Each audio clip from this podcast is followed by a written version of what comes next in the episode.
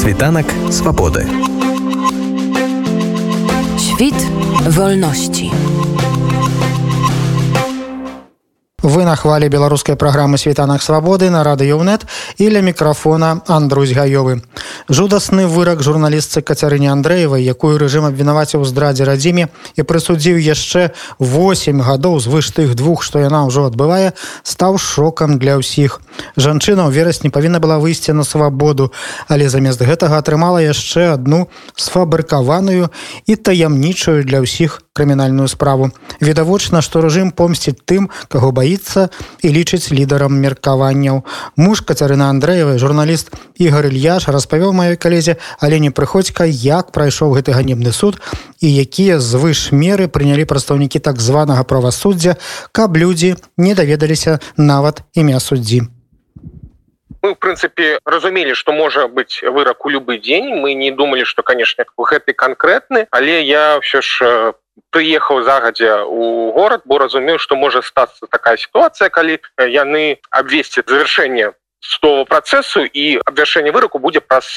некалькі гадзінаў ці можа нават праз гадзіну. То бок калі будзеш знаходзіцца ў менску то просто не паспееш фізічна даехаць. Таму я прыехаў загадзя і сапраўды 10 у 10 10 не патэлефанавалі з судовой канцелярыі сказалі што ад 12 будзе абвяшэнне выраку бо калі б я быў менску то дакладна не паспеў і натуральна ніхто больш хто б хацеў безумоўна прыехаць на абвяшэнне гэтага выраку не смог прыехаць з менску Таму пэўнай сэнсе гэта была нечаканасцю цяпер зразумела што гэты перапынак у судовым працэсе калі яны ввесцілі у мінулую сераду на тыдзень перапынак это было звязана менавіта з тым кап вось дачакацца гэтага апошняга слова у сераду і адразу выдаліцца на падрыхтоўку выраку каб гэта пауза паміж апошнім словам і выракам была мінімальная і ніхто не, не змаглі людзі сабрацца каб падтрымаць кацю ў зале суда. Ведаеце вось у мінулую у мінулую сераду мы якраз думалі што яшчэ ў мінулую сераду можа быць абвяшэнне прысуду таму у гэты дзень прыехалі некаторыя калегі сяброўкі каці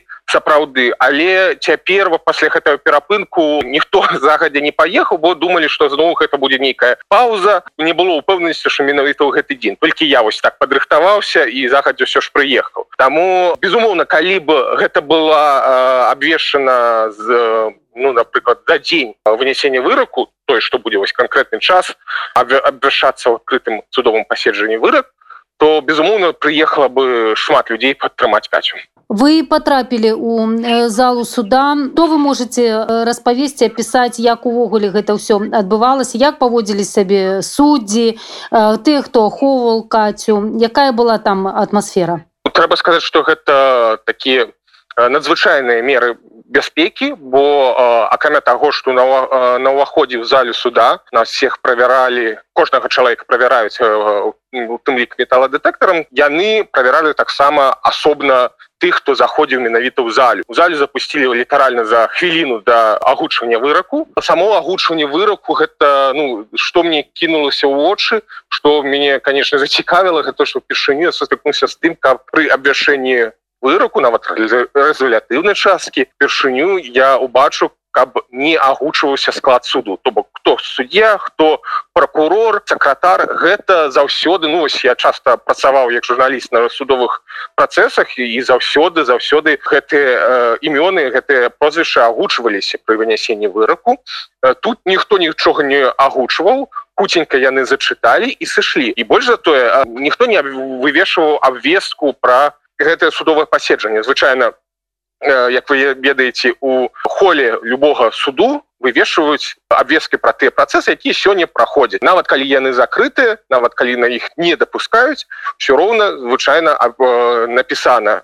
каго судзяць у якой залі і хто суддзя ні у дзень абвяшэння выраку ні ў папярэднія дні як я звярнуў увагу гэта інфармацыя не вывешвалася то бок ведаеце я думаю что это все звязанае канешне з тымка что яны не хацелі каб імёны суддзі прокурора тых хто датычных да гэтай ганебнай справы былі вядомыя гэта імя суддзі ў выніку трапіла ў сеціва але нават не ведаю адкуль яна заявілася вераго хтосьці просто візуальна яго ідэнтыфікаваў ведаў як яго як ён выглядае. Бо там некалькі чалавек было на судовым паседжанні якіх я не ведаў. Я не ведаў хто гэта. Я думаю что хтосьці просто просто пазнаў яго хутчэй за ўсё так. Ну апроч вось гэтай такой таемніцы што на сённяшні момант вам вядома з падрабязнасцяў гэтай справы тому что дагэтуль не было вядома у чым менавіта абвінавачваюць кацярыну. Ну то бок гэтыя такія агульныя фармулёўкі вядомы ўсім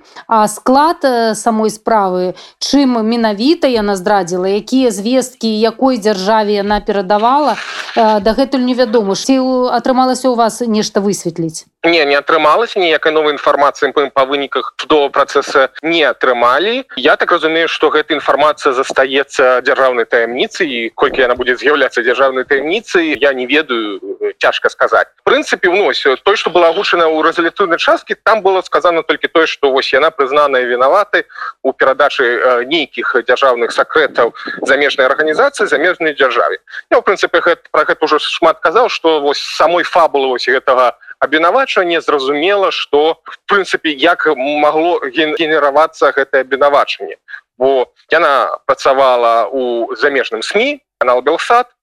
адпаведна гэта замежная арганізацыя адпаведна яе спецыялізацыя адна спецыялізацыя журналісцкіх это было журналісцкія расследаванні значыць можна здагадацца што хутчэй за все адзін з яе дзейных матэрыялаў вострых дзе яна распавядала нейкую інфармацыю упершыню адзін з гэтых паціраў просто нацягнулі вось гэтыя фармулёкера расплывістыя з 356 артыкулу і вось за гэта і пакаралі прычым ну відавочна что гэтыя дзені яшчэ некалькі гадоў таму не лічыліся парушэннем закона гэтая інфармацыя не лічылася дзяржаўнай таямніцы там тому что ну відавочна калі б гэта было нейкае парушэнне закона это так разглядалася некалькі гадоў таму то тады б яе і пасадзілі а зараз яна ўжо больш за 600 дзён знаходзіцца за кратамі адпаведна не могла просто нічога не публікаваць не атрымліваць нейкіх дзяржаўных сакрэтаў не перадаваць нікому а ўсе матэрыялы якія ў яе выходзілі раней яны все былі падпісаныя все былі публічныя і адпаведна гэта все было вядома і раней просто раней гэта не лічылася злачынствам а цяпер калі у падчас масавых рэпрэсій падчас по поўнага правового дэфолта гэта гэта можна за гэта можна даваць такія людажорскія тэрміны. Як выглядала каця як яна атрымалася яна вельмі упэўнена са спакойнай годнасцю успрыняла гэты прысуд. Яна безумоўна разумела что прысуд будзе абвінавачаны бо просто у нас судах іншае немагчыма. Калі даходзіць до суду то заўсёды гэта вінаватшы прысуд а паколькі гэта мінімальная планка по гэтай по гэтым артыкуле было семь гадоў яна разумела что гэта ў любым выпадку будзе сур'ёзны тэрмін. Таму яна рыхтавалася і яна вось са спакойнай годнасці гэта ўспрыняла і з усмешкай слухала вось гэтую лічбу якую называў суддзя адзінае што яна заўважыла потым і далі ў выніку нават большым салжаніцыну бо салжаніцыну пры сталіна далі 8 гадоў я ёй далі 8 гадоў і три месяца сумарна вось двух прысудах візуальна я скажу что Катя по сваіх паводзінах по сваім стане ось так яе паводзіны не адрозніваліся ад таго что я бачыў на першым выраку і пасля першага выраку пасля гэтага прысуду я атрымаў адразу спатканне у нас было спатканне гомельскім сеза праз шыбу праз телефон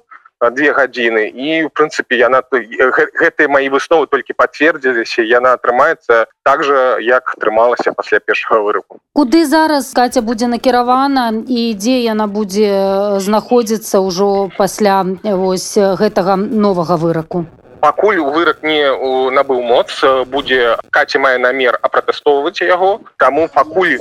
не адбылася апеляцыя прынцыпе яна павінна заставацца у сеза колькі гэта можа зацягнуцца